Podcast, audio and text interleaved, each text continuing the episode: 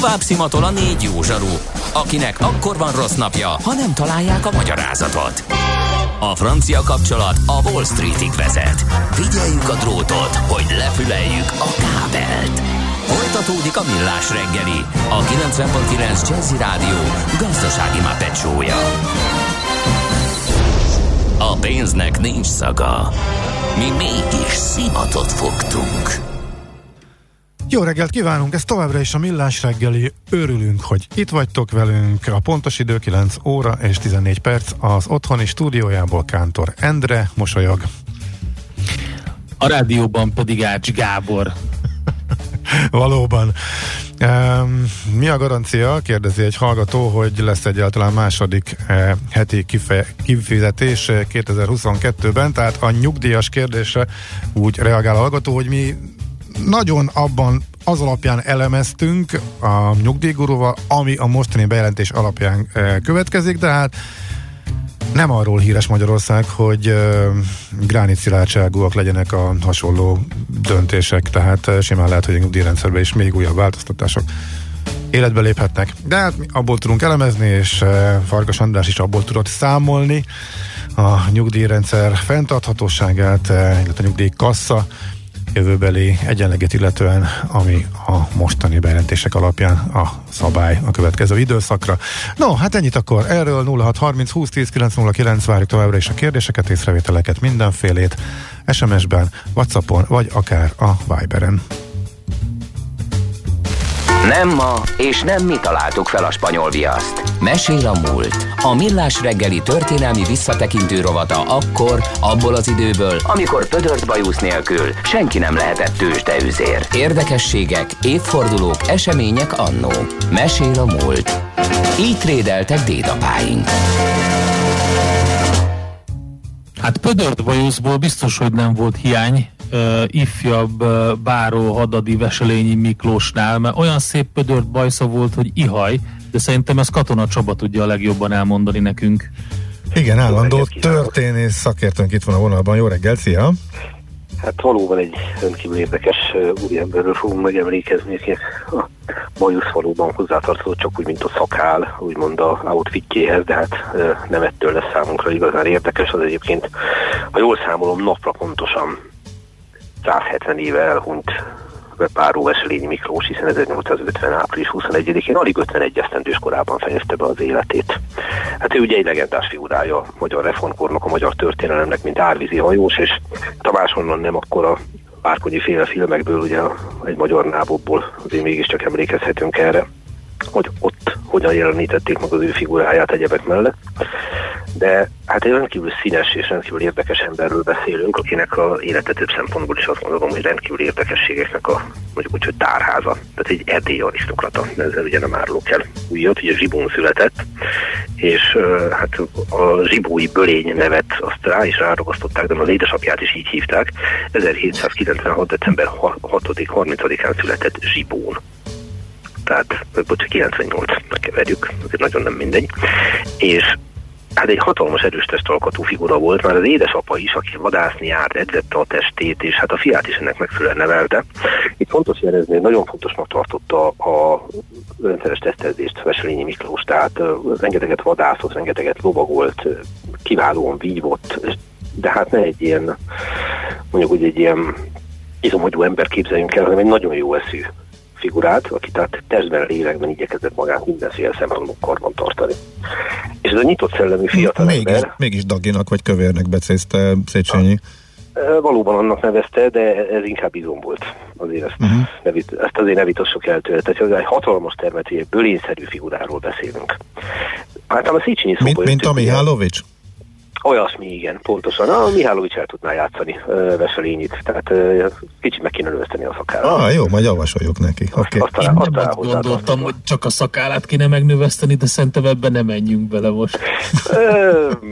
Na majd erre is visszatérünk, jó? Nem feltétlenül a Mihálovics vonatkozásában, de visszatérünk. Arról talán kevesebb feljegyzés van, maradjunk egyben. No hát igen, szóval Széchenyi Istvánhoz azért kanyarodjunk vissza egy picit, és nagyon-nagyon jó barátok, de és természetesen politikai harcostársak is nyugat-európai utazáson is részt vesznek, franciaországi, angliai és stb. tapasztalatok késztetik arra egyebek mellett Veselényit, hogy a Magyarország gyűlésen a főrend egyik vezető figurájaként szerepeljen méghozzá az ellenzék soraiban. Ugye erdélyi birtokol, de vagy éppen vesz egy kis birtokot, és ennek révén a Magyarországgyűlésen is részt vehet, és hát nagyon fontos szerepe van abban, hogy azért a magyarországi reformmozgalmaknak a eszméjét, a történéseit, azokat Erdélybe közvetítse, és ő szerepe van abban, hogy összehívják az Erdélyi országgyűlést. És ez a nyitott gondolkodású figura, ez, ez megteszi azt, amire azt gondolom, hogy nagyon kevesen képesek, hogy kiszakad a saját szűk világából, hiszen ő azért mégiscsak egy ilyen, egy, egy régi vágású birtokos, aki hát meglehetősen patriarchális viszont ápol a jobbágyaival, de túl tud lendülni ezen a státuszán bizonyos értelemben, és megjelenteti a Borítéletekről című munkáját. Ezt papíron, ha minden igaz, Bukarestben, ugye cenzúra az van, azt ne felejtsük el, de gyakorlatilag Lipcsében adták ki, és ez az egész nem másról szól, mint hogy elég éles kritikával illeti a nemességet. Tehát konkrétan például ilyen dolgokat ír benne, hogy rendkívül helytelen, hogy az ország mondjuk 90%-át csak kizsákmányolja a nemesség, a többi pedig lefölözi a hasznot, miközben 90%-nak jó szerűen semmilyen joga nincsen, hogy a nemesség nem figyelmet a hazájára, a nemzetére, nem is érdekli őket, holott kötelességeik lennének, és hogy hát meg kéne teremteni azt a fajta modern magyar nemzetet, aminek mindenki a polgára, tehát idézem, hazafics polgár, csak ezt kell minden emberből csinálni. Tehát ilyen jogkiterjesztésről beszél, Na most ez a munka fogalmazunk úgy, hogy nem feltétlenül arról sikert sem a nemességnél, sem pedig le, mert nem mindenki ilyen széles látókörül, mint Veselényi, vagy hogy tetszik önzetlen, hát sem pedig a hatalomnál. És aztán ugye a cenzúra az egy tipikusan olyan műfaj, ami papíron nem létezik. Gyakorlatban van, de nincs kanonizálva, hogy van. Ezért aztán megjelentett néhány olyan írományt mindenféle országgyűlési beszédekről, ami, ami úgy tesz, hogy hát kérem, ha papíron nincs cenzúra, akkor nincs cenzúra, én megjelentetem ezt. És akkor ebből adódik az a dolog, ami viszonylag ismert az ő életéből, hogy perbe fogják perbe fogják. Ugye egy, ez konkrétan egy vármegyei gyűlésen elmondott 1834-es beszéde miatt, ahol erőteljesen bírálja a kormányzatot az úrbéli reform elgáncsolásáért. No, itt eljárást indítanak ellene. Kölcsei Ferenc képviseli a védelmét, majd Kölcsei halála után gyakorlatilag Deák Ferenc az, azért mutatja a mozgásterét, hogy akikkel dolgozik együtt. És hát végső soron börtönbe is zárják, ez közismert, de még előtte sor kerül a Pesti árvízre, ahol ugye 1838 márciusában, és akkor még nincs börtönbe, és ekkor vigyja ki magának az árvízi hajós nevet. Ez ugye viszonylag közismert története része az ő életének, mikor hajón menti az embereket a különféle rumokon, meg vízben, meg mindenféle ilyen víz által körülvett házak tetején rekedt embereknél. Itt megemlíteném még Vörös Martin Mihály nevét is, mert az árvízi hajós név elterjesztésében Vörös Martinak a kiváló költőnek nagy szerepe volt. Ugyanis 1838. április 27-én a Pesti Magyar Színházban, amikor megemlékeztek az árvízről, vagy gyűjtéseket rendeztek, akkor Jókainé Laborfalvi Róza szavalta el először az Árvízi hajós című verset, amit Vörös Marti Mihály írt, és hát ez egy igazi romantikus vers, így kezdődik, hol, hol népes házsorok, jegyzi az utakat, most vadmoraj között futgyilokos áradat, rémséges jaj kiállt, ingófalak megül, rémes hallgatás midőn a ház bedől. Nem olvasom fel az egész hosszú verset, maradjunk annyiban, hogy hát nagyon-nagyon sok verszak szóriázik egymás után, leírja azt, hogy az árvízi hajós menti az embereket, és egyebek mellett megment egy idős hölgyet is, és amikor megmenti az idős hölgyet, akkor csoda történik, ezt megint idézem, szól, és menne a hajós, de a hölgy kit hozott, tündér tekintetű asszonyá változott. Arcán redők helyett ifjú kellemvirul, szépsége bájoló, leírhatatlanul. Nem sorolom tovább, lényeg az, hogy kiderül, hogy a hölgy nem más, mint a jó tétemény megtestesítője.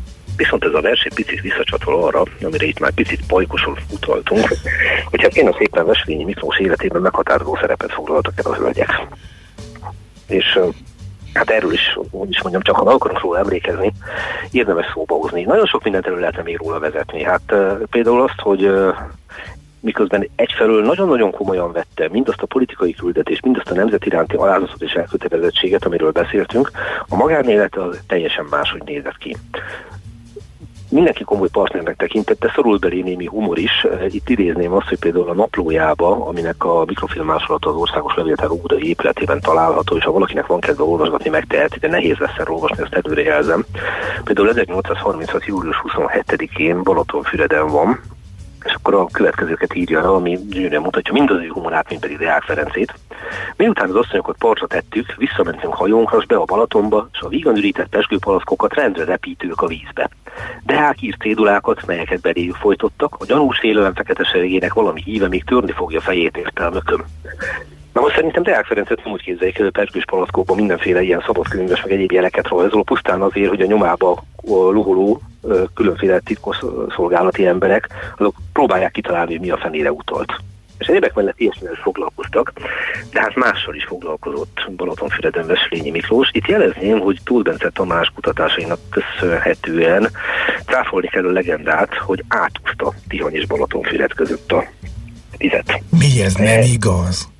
Hát konkrétan a naplójában biztos, hogy nem szerepel, úgyhogy nagy valószínűséggel egy legenda kapott lábra. Volt ő a vízben eleget, de konkrétan ez a bizonyos Balatonfüred Tihany átúszás, amit 1836 nyarára datálnak, azért nagyon meglepő volt volna, ha a sport teljesítményére, a mindenféle teljesítményére, és minden visszautalom megint a hölgyekre, büszke báró, pont ezt nem érzi, ha megtörtént volna, ugye? Uh-huh. Úgyhogy hát valószínűleg itt megint egy, egy városi legendával gazdagodtunk, és egy történeti tényel idézőjelbe lettünk. Hát ezt én teljesen benyeltem, ez olyan szinten volt nyilvánvaló az ő élettörténetéből, hát. illetve hallottuk. Hm, egy új Mondta Gábor, hogyha ma élne, és össze is hasonlítottuk itt Mihálovics kollégánkkal, akkor mi lenne a következő mozzanat, miután átúzta? Szerintem minimum egy selfie, a másik oldalon, tehát ezt a, a, a korhű köntösbe öltöztetve biztos, hogy a naplójában benne lett volna egy uh-huh. ilyen száz százalék. Ő eleve nagyon büszke volt minden ilyen teljesítményére, ezeket feljegyezte. Tehát, hogy pont ez maradt volna ki, ez, ez teljességgel életszerűtlen, de ugye a történés feladata egyebek mellett ezért hálás és hálátlan, mert nagyon sokszor megszületik valamilyen, valamilyen téves értelmezés, nem feltétlen csúsztatás, szándékos csúsztatás miatt valamilyen legenda, és akkor azt aztán mindenki átveszi. Mert hát itt is szerepel, ott is szerepel, ott is szerepel, és egy, egy történész fogja magát és visszamegy a gyökerekhez, az eredeti forrásokhoz, akkor bizony sokszor bele lehet szaladni abba, hogy rögzült, és nagyon biztosnak tűnt dolgok azok korán sem úgy voltak, vagy legalábbis bizonytalanná válnak. Úgyhogy sajnos ez az átúszás, ez alig, hanem a legendák sorába soroltatik innentől kezdve. Az azonban nem, hogy mással is el volt foglalva.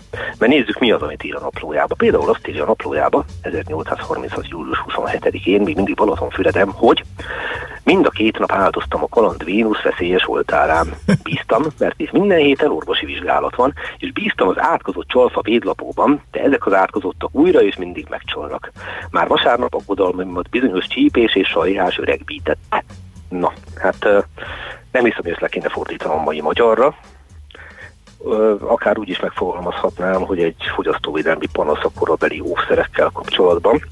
Hát Veselényi Miklós valami egészen elképesztő, mondjuk úgy, hogy férfiasság birtokában volt. Valami nagyon fura egyébként, tehát rengetegen rajongtak érte hölgyek, akik csak felszínesen vagy épp hogy ismert, még például Kölcsei Antónia, Kölcsei Ferenc unokahuga. Ami viszont bizonyos, hogy ő gyakorlatilag válogatás nélkül élt szexuális életet szinte mindenkivel, tehát valami elképesztő intenzitással, és ilyen strigulákkal jegyezte be a naplójába, hogy kinél mit teljesített. Van olyan, hogy másfél óra alatt négy strigulát jegyez be, hogy kérem ezt csináltam. Az igen? Na most a naplót magának írta, tehát nem hiszem, hogy dicsekedni akart volna vele. Tehát azt mondom, hogy ő sajátos etikáját az kiválóan jelzi egy 1838. szeptember 6-ai bejegyzés a naplójába. Egy leánykát hozzá, hozzám. Szegény úgymond, és azon kívánja, hogy szüzességén ruhát szerezzem. Javaltam neki, hogy a lejtő, melyről visszalépni, és amelyen megállani nem lehet, ne induljon, bizonyos lévén a hanyathomlok rohanás. Jó tanácsom semmit ért, mert szándéka mellett maradt. Lehet, hogy akkor helyesebb lett, lesz vala tovább küldeni, de erre még vérem igen meleg, és ilyesmi erkölcsi donkihotság bűne is van, és ezért csak segíti annak elvesztésére, minek végét akarja járni.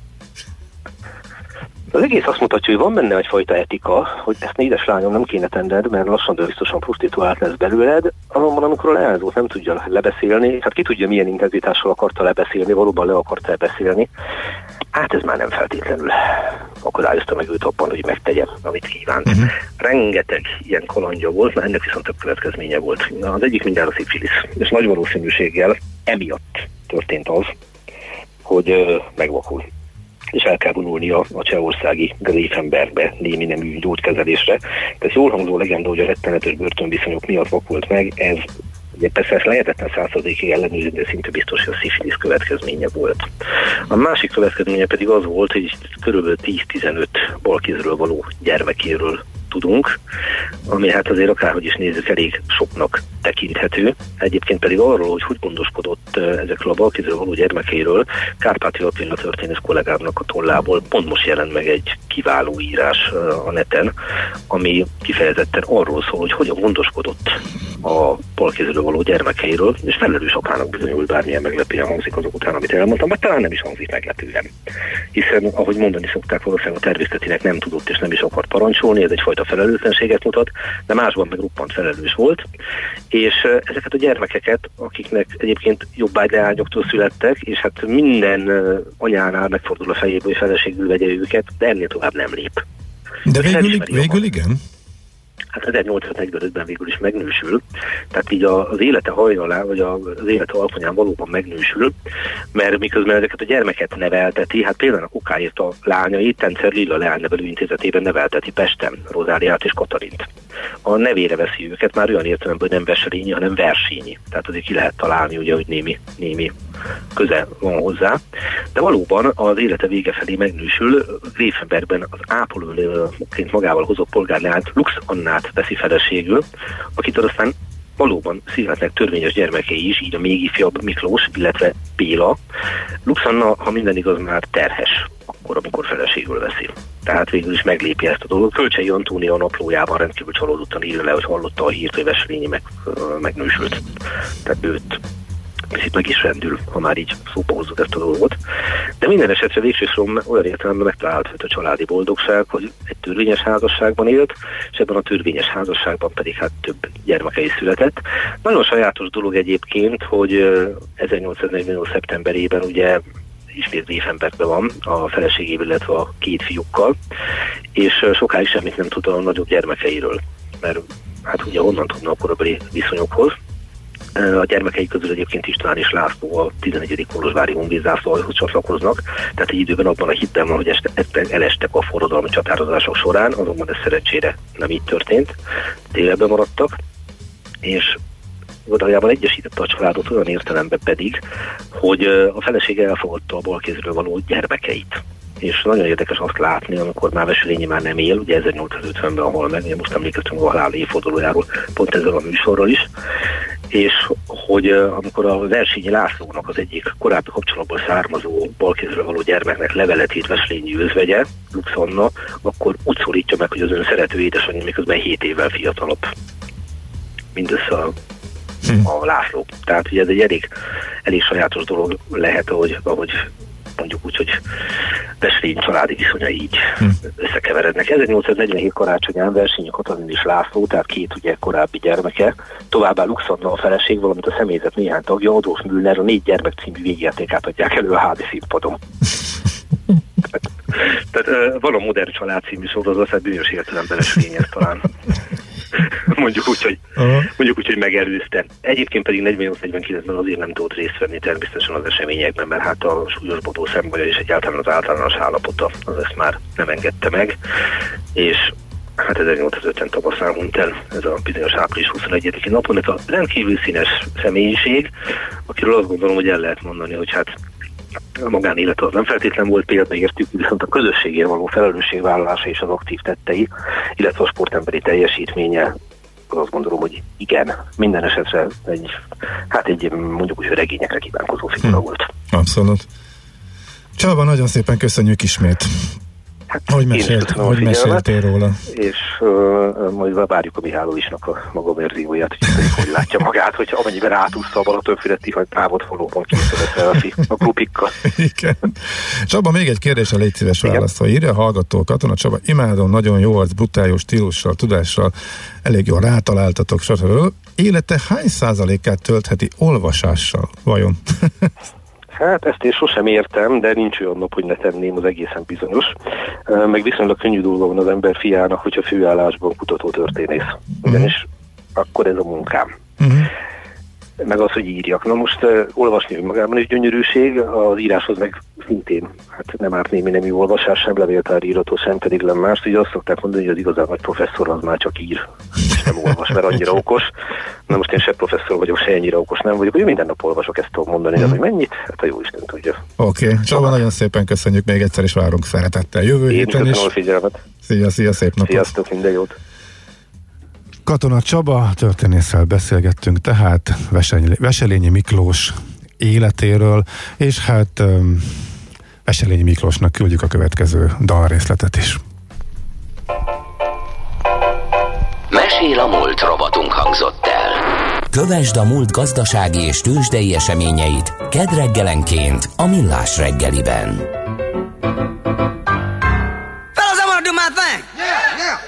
Now you know, like like doing it, like like like a sex machine. Go ahead. Go Coming ahead. out in the open and saying where it's at. Yeah. Can I count it off? Yeah. One, two, three, four. One, two, three, four. One, two, three, four. Oh, no. Hardworking Mr. Dynamite, Jamie Brown.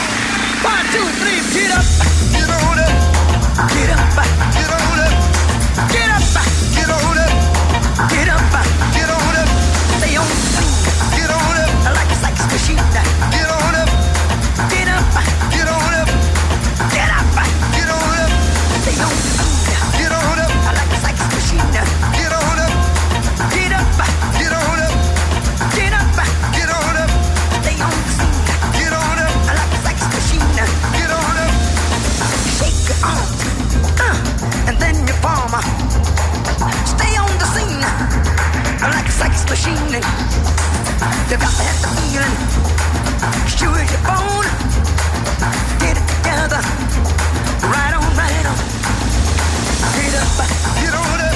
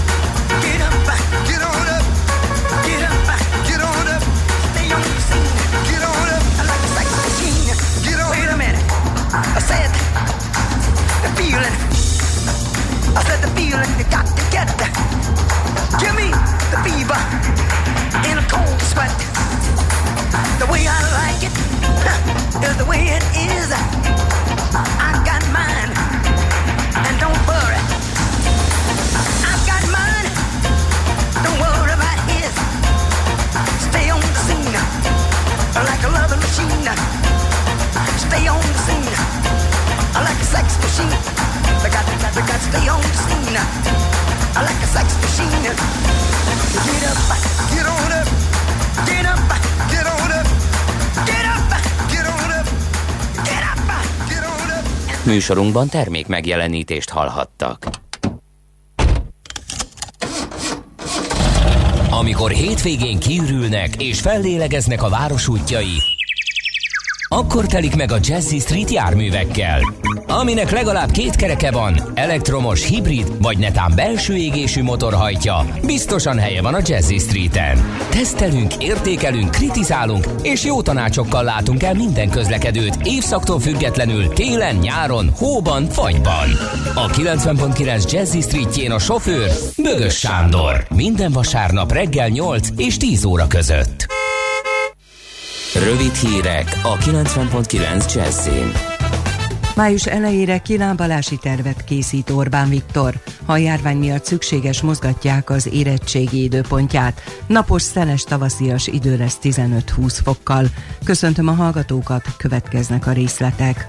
Május 3-án Magyarország képes lesz arra, hogy több ország tapasztalatát is figyelembe véve legyen egy kilábalási visszatérési terve, mondta Orbán Viktor miniszterelnök a Mária Rádiónak adott interjúban. A kormányfő a koronavírus járványjal kapcsolatban úgy számol, akkortól lépésről lépésre visszatérhet az élet a megszokott normális kerékvágásába. Orbán Viktor hozzátette az is kérdés, hogy a most tüdőlövést kapott magyar gazdaság sebei mikor gyógyulnak be. Úgy gondolja, hogy jövő ilyenkor egy olyan gazdaságról gazdaságról lehet majd beszélni, amely azt a teljesítményt képes nyújtani, mint amit két hónappal ezelőtt. Ha a járvány miatt szükséges, mozgatják az érettségi időpontját. A köznevelési államtitkár Maruzsa Zoltán a kormány.hu oldalon hétfőn közzétett videóban azt is elmondta, az érettségi lehető legbiztonságosabb megszervezésének kitalálták a módját, ezért tartanak csak írásbeli vizsgákat, és mindenkinek biztosítják a szükséges védőfelszerelést. Müller Cecília országos tisztifőorvos, illetve Orbán Viktor miniszterelnök is arról beszélt, hogy a járvány tetőzését május 3-ára várják, az érettségi napját egy nappal később későbbre jelölte ki a kormány. Az elmúlt napokban diákok és pedagógusok körében is felháborodást, értetlenkedést váltott ki a kormány döntése.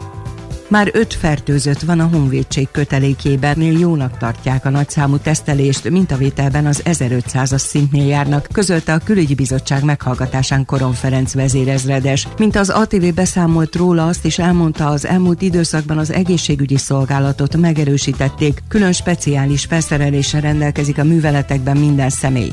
Hozzátette a helyi egészségügyi szervezetekkel folyamatos kapcsolatot tart a missziók egészségügyi szolgálata, hogy a helyi tendenciákról folyamatos információval rendelkezzenek. Magyar idő szerint este fél kilencre mínusz 37 dollárra esett az olajárfolyama. Egyrészt az átkötések magyarázzák a szürreális jelenséget, másrészt az eltűnőben lévő piaci likviditás, harmadrészt pedig a tárolók vészjósló telítődése. Óriási a túlkínálat a fizikai piacon. A júniusi határidős árfolyam viszont, amely jelenleg jobban tükrözi az olajpiaci várakozásokat, 20 dollár felett mozog, írja a portfólió. Az időjárásról ma sok napsütésre számíthatunk, de délen időnként felhősebb lehet az ég, viszont csapadék nem várható. Élénk erős lesz a szél délután 15-20 fok között alakul a hőmérséklet. A hírszerkesztőt László B. Katalint hallották hírek legközelebb fél óra múlva. Budapest legfrissebb közlekedési hírei, itt a 90.9 jazz A fővárosban baleset történt a Ferenc körúton a Margit híd felé a Mester utca után. Továbbá baleset nehezíti a közlekedést a Könyves Kálmán körúton a Rákóczi híd felé a Mester utca után. Élénk a forgalom a Hungária körgyűrűn a nagyobb csomópontoknál és a Soroksári úton befelé a Rákóczi hídnál. Lezárták a 14. kerületben a Csömöri úti felüljárót felújítás miatt a gyalogos forgalom előtt is. A hídon félpályán csak a BKK járatai hajthatnak át. A 15. kerületben a Molnár Viktor utcából a Drégelyvár utcánál csak egyenesen és jobbra lehet haladni. Ismét járható az Erzsébet híd, március 15-e téri le és felhajtója, de a lehajtón útszűkületre kell továbbra is számítani távhővezeték javítása miatt. Mától a 7. kerületben a Király utcában, a Rózsa utcánál útszűkületen kell áthajtani burkolatjavítás miatt. Továbbá ma 15 óráig a 22. kerületben a Szabadkai utcában, az Alvó utca és a Budatétényi utca között félpályás lezárása számítsanak, mert javítják az útburkolatot. A váltakozó irányú áthaladást jelzőlámpa szabályozza, az érintett BKK járatok megállóját áthelyezték. Nemesszegi Dániel, BKK Info. A hírek után már is folytatódik a millás reggeli. Itt a 90.9 jazz Következő műsorunkban termék megjelenítést hallhatnak. Kősdei és pénzügyi hírek a 90.9 jazz az Equilor befektetési ZRT szakértőjétől. Equilor, 30 éve a befektetések szakértője. Deák Dávid üzletkötő a vonalban, jó reggel, szia! Sziasztok, jó reggelt, üdvözlöm a hallgatókat! Na hát kicsit megtépázta a mínuszos olajára front hónapra, ami kialakult az amerikai tőzsdét a nap végére, ebből érezhető-e valami Európában, illetve Budapesten? Abszolút érezhető itthon is, és Európában is. A Bux jelenleg 2,4%-os mínuszban 32.130 ponton áll. Tovább gyűrözött az esés, és igazából a blue chipeink közül is a Telekom az egyedüli aki emelkedéssel indítja a napot, 0,4%-os pluszban 369 forinton kereskedik, de mind a az OTP mind a MOL egy nagyobb eséssel indítja a kereskedés, 8245 forinton van az OTP közel 3%-ot esik, 3,5%-nál is nagyobb a mínusz ugye a molnál 1936 forinton és 6400-on kereskedik a richter ami másfél százalékos csökkenésnek felel meg. Hm. Oké, okay. még a többieknél esetleg? Igazából az európai tőzsdén is hasonló a, a hangulat, a német DAX index is 2,4%-os mínuszban áll, a párizsi kakaron is 2,2%-os mínuszban. Amerikai határidők? Az amerikai határidők is egyébként eséssel indítják a kereskedést, bár nem olyan nagy mértékben, az S&P határidő 0,6, a Nasdaq pedig 0,3%-os csökkenésben áll jelenleg. Oké, okay, akkor még a forint árfolyamról érdemes beszélnünk, mert hogy tett egy kísérletet a 350-es szintnek a letörésére? Hát itt az éjszakai kereskedésben van, hogy, hogy en nagyobb elmozdulást látunk, ez nem is biztos, hogy a, az árfolyam mozgása inkább csak a, az árjegyzés kis, kiszélesedés, kiszélesedésének köszönhetjük. Most 353,5 forinton kereskedik az eurót, és 326 forint 20 filléren a dollárt. Itt fontos kiemelni egyébként, hogy ma 14 óra 30-kor az MNB a havi kamat döntőülését tartja, úgyhogy ez a forint árfolyamra jelentős uh-huh. elmozdulás lehet. Mi a várakozás ezzel kapcsolatban? Igazából várakozás úgymond nincsen, tehát valószínűleg nem fog nagy dolgot bejelenteni ismét az MNB. Az előző hónapban ugye meghúztak egy mondhatni váratlant. Én azt gondolom, hogy nagy bejelentés nem lesz, és olyan nagyon-nagyon jelentős elmozdulás nem fog a forint piacon ez okozni. Uh-huh. Oké. Okay. Dávid, nagyon szépen köszönjük, jó munkát, jó kereskedést. Jó munkát, szép napot. Szia, szia. Deák Dávid üzletkötővel beszélgettünk a tőzsdenyításról, illetve a devizárfolyamokról. Tőzsdei és pénzügyi híreket hallottak a 90.9 jazz az Equilor befektetési ZRT szakértőjétől. Equilor, 30 éve a befektetések szakértője.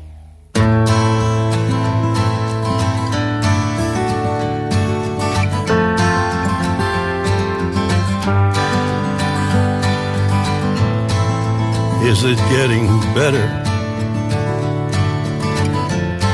Or do you feel the same?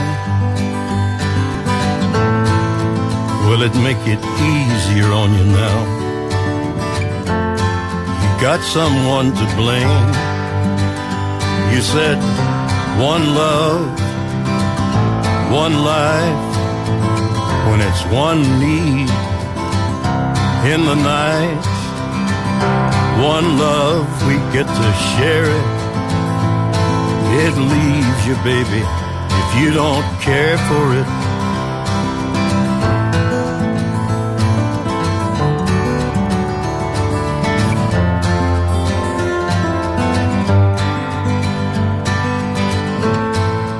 Did I disappoint you or leave a bad taste in your mouth? You act like you never had love want me to go without? Well, it's too late tonight to drag the past out into the light. We're one, but we're not the same. We get to carry each other, carry each other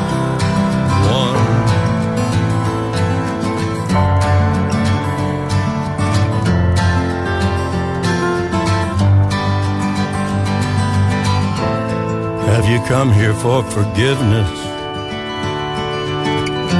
Have you come to raise the dead?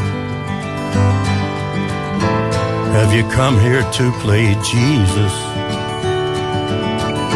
To the lepers in your head? Did I ask too much? More than a lot? You gave me nothing now. It's all I got. We're one, but we're not the same. Well, we hurt each other, and we're doing it again. You say love is a temple, love the higher law. Love is a temple, love the higher law. You ask me to enter, but then you make me crawl. And I can't be holding on to what you've got all you've got is hurt. One love, one blood, one life. You've got to do what you should. One life with each other, sisters, brothers. One life, but we're not the same. We get to carry each other carry each other one.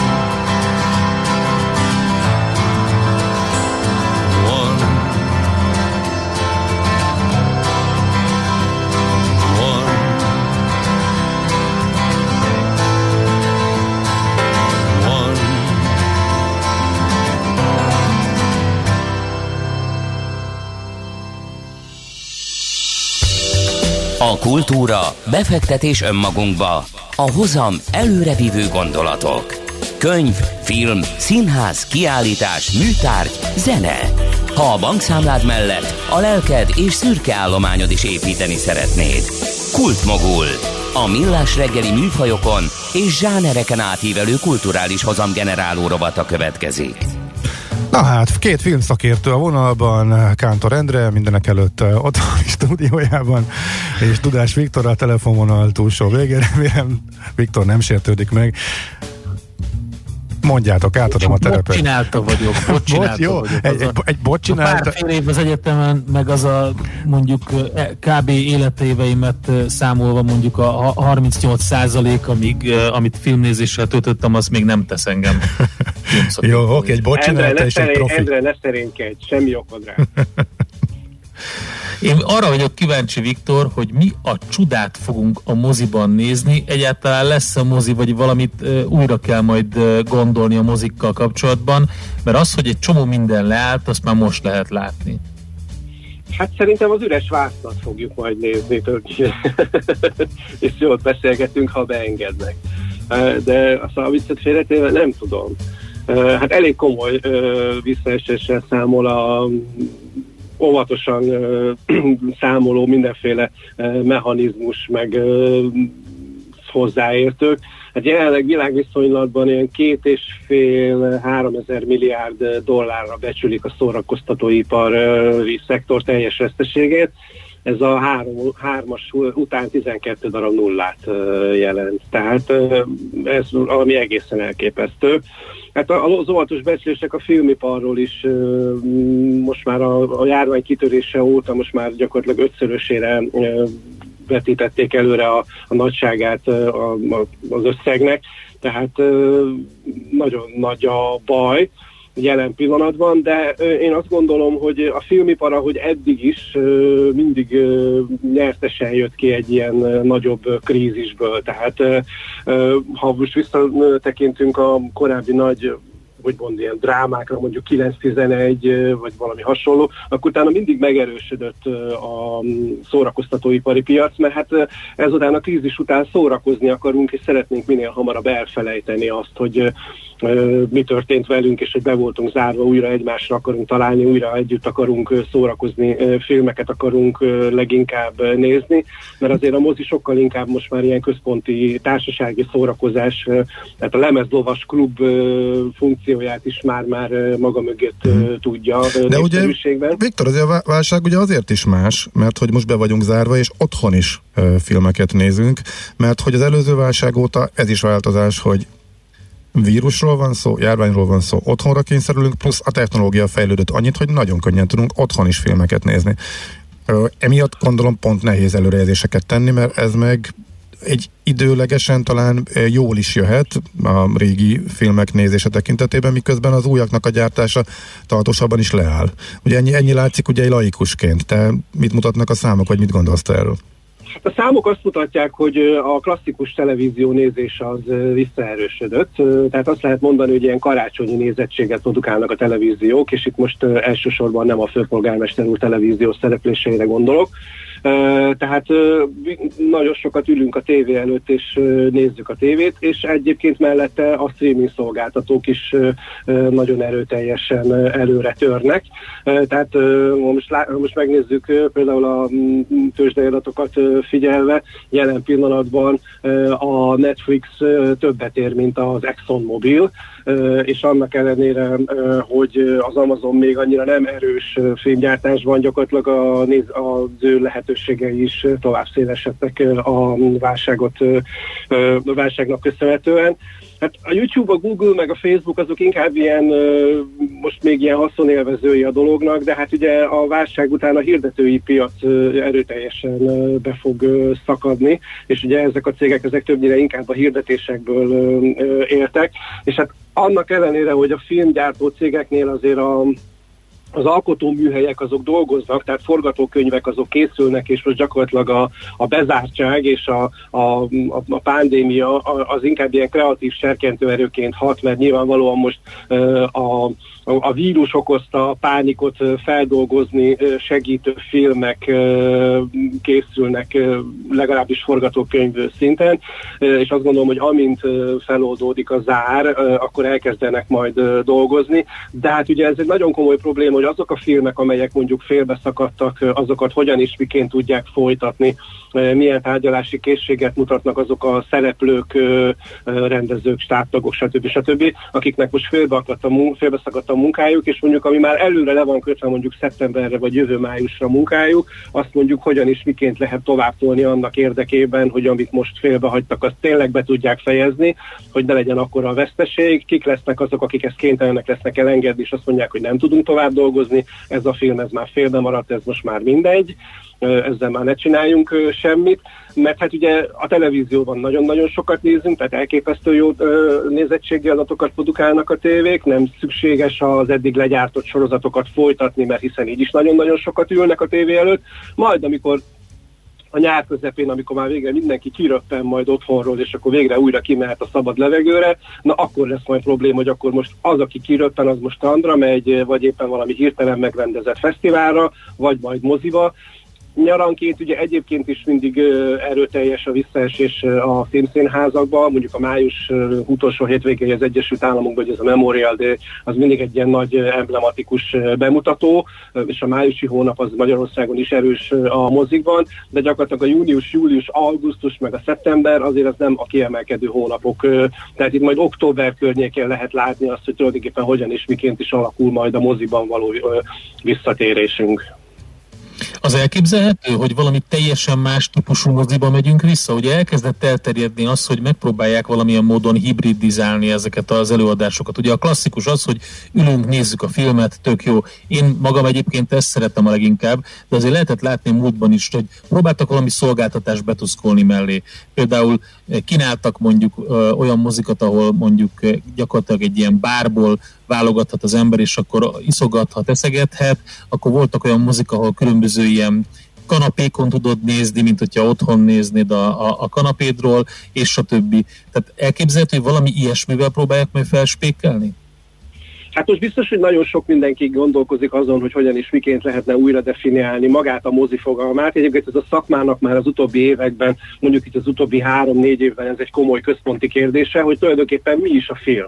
Tehát, hogy most a film az magától a formátumtól, az elbeszélés módtól, a hoztól, vagy esetleg a megjelenési platformtól függő. Tehát ugye az Oscarnak is, meg a nagyobb filmfesztiváloknak is egy, egy központi kérdése volt az elmúlt időszakban Ugye a Káni Filmfesztivál most már nem enged be olyan filmet, amit nem lehet moziba megtekinteni. Az Oscar is ugye ezt elég szigorúan veszi, hogy igenis moziba kell megmutatni a filmet. Na most a Golden Globe ugye kijelentette, hogy a, a vírus miatt azok, akik egyébként moziba akarták volna bemutatni a filmjüket, de nem tudták, és ezt igazolni tudják, azokat is figyelembe veszik például a Golden Globe-nál. Tehát, hogyha online van a, bemutató. Ugye 14-én lett volna az Oscarnak az elnökségi ülése, ahol többek között az Oscarra vonatkozó koronavírus ügyekről is döntenek, de már az összegyűlési tiltások miatt ugye ez az elnökségi ülés elmaradt, tehát jelen pillanatban hivatalosan még nem tudjuk, hogy az Oscar hogyan fog ehhez viszonyulni, tehát nyilvánvalóan, hogy ez a helyzet most pro és kontra érveket mind a két oldal mellett elég komolyan fel fog hozni. Nyilvánvalóan, hogy a streaming szolgáltatók már csak a nézettségük és a népszerűségük okán is sokkal még inkább dominánsabb szereplői lesznek ennek a párbeszédnek, tehát nyilvánvalóan, hogy ez sok mindenkire ki fog hatni, de azért azt is vegyük bele, hogy pandémia oda, mindenféle vírusfélelem oda, azért csak szeretünk együtt lenni. Tehát azért, hogyha megnézed a, az online közbeszédet, mert ugye most társasági közbeszéd, mint olyan az nincs, azért ez majdnem mindenhol központi kérdés, hogy jaj, mikor tudunk már újra találkozni, mikor tudunk már újra együtt szórakozni, uh-huh. és ez nem feltétlenül azt jelenti, hogy csak online nézzük egymást. Akkor egy idevágó kérdés, ugye a repülőknél is ezen megy a vita, de akkor most nézzük meg a moziban. Te elbírod, elbírod képzelni, hogy kötelező maszkviseléssel e, emberek ugyanúgy eljárjanak a moziba, vagy hogy mondjuk minden második ülést szabadon hagyva a kötelező távolságtartást szem előtt tartva nyissanak ki a mozik, vagy hogy lenne ennek egyáltalán értelme? Én inkább azt jósolnám, hogy influenza vírus ide vagy oda, akkor is baromi sokat megyünk moziba, mert ugye többnyire mikor szokott influenza vírus lenni, október, november, meg december eleje, és akkor is tömben vannak a mozikban, akkor jönnek az új filmek. Én inkább abban látom a megoldást, hogy a mozi szolgáltatókat fogják arra jobban ösztökélni, akár még nagyon szigorú szabályozással is, hogy például a mozikban a légkondicionáló rendszert úgy kell majd felfrissíteni, és olyan eszközökkel kell kiegészíteni, hogy jobban szűrje a levegőt, meg, meg semlegesítse a levegőben terjedő akármiket, és én azt gondolom, hogy bízhatunk annyira talán az orvostudományban, hogy ebből a vírusból is azért ki fog jönni úgy a, a, az emberiség, hogy, hogy a megfelelő védőoltásoknak köszönhetően nem feltétlenül leszünk arra kényszerítve, hogy például moziba szájmazba üljünk, mert ha és amennyiben a moziba kell szájmazba ülni, akkor gyakorlatilag az életünk állandó részévé kell, hogy legyen, mert akkor amikor vásárolni megyünk, amikor munkába megyünk a tömegközlekedésen, amikor az irodaházba megyünk bármit.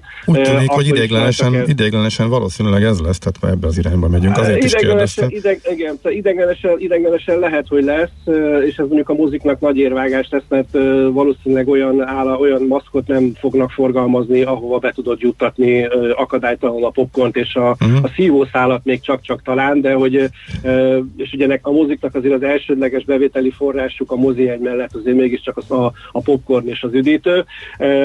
Hát majd meglátjuk. Mm. Okay. Én optimista vagyok. Ezt jó hallani. Meg, meg az tök jó. Ez tök jó, mert már a hallgatók egy része elkéz minket, hogy mi túlságosan pessimisták vagyunk, és tök, na, szóval ezért tök jó, hogyha egy optimista hanggal fejezzük be a műsort mindenképpen. Köszi Viktor, szép napot, jó munkát neked is. Én is köszönöm, szép napot nektek, sziasztok. Szia, szia. Dudás Viktor filmszakértővel beszélgettünk. Kultmogul. Millás reggeli műfajokon és zsánereken átívelő kulturális hozamgeneráló rovata hangzott el. Fektes be magadba, kulturálódj! Nekem az jutott eszembe, Gábor, hogy uh, hogyan lehetne újra életet lehelni ezekbe a filmvetítésekbe, mert ugye a Viktor szavaiból azt hallottuk, hogy nem nagyon lesz, ami elkészüljön olyan nagy mozifilm, mert ugye félbe maradtak.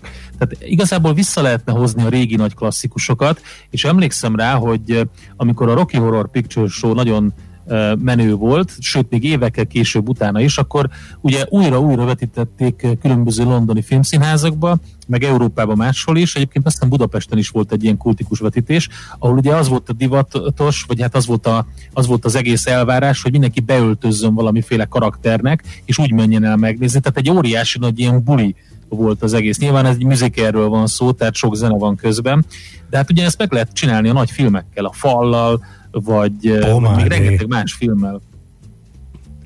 Pomádéval. Pomádéval. A herrel. Hát, Jó, hát néhányan nyilván, de... de nem, úgy... Csandás milyen királyul mutatna ilyen... De hát ő a Veselényinek a bemutatójára készül hát majd hamarosan. Igen, tényleg, igazad van, ő a Veselényit, akkor... Hát ugye egy néhány alkalomra jó lehet, nyilván húzza ki a filmipart a válságból, meg nem ebből fognak megélni a mozik, de ilyen kis ünnep jelleggel, a visszatérés ünnepeként, hogy továbbra is ennyire előtekintsük, és optimistán fejezzük be a műsort arra, teljesen jó ötletnek tűnik. A, átidalni ezt az időszakot, ameddig még az új filmek ugye késnek. Hát bárcsak már ott tartanánk. Reméljük minél hamarabb lesz. Köszönjük szépen a figyelmet, akkor így búcsúzunk el ma. Holnap ismét millás reggeli, addig is hallgassátok a 90.9 Jazzy Rádiót. Szép napot mindenkinek. Sziasztok! Már a véget ért ugyan a műszak, a szolgálat azonban mindig tart, mert minden lében négy kanál. Holnap reggel újra megtöltjük a kávés bögréket, beleharapunk a fánkba és kinyitjuk az aktákat. Addig is, keressetek minket az arcaktákban, a közösségi oldalunkon. A mai adás podcastjét pedig holnapunkon. Millás reggeli, a 90.9 Jazzy Rádió gazdasági mapet show-ja. Ha csak egy műsorra van időd idén, tégy róla, hogy ez legyen az. Csak egy dolog lenne még.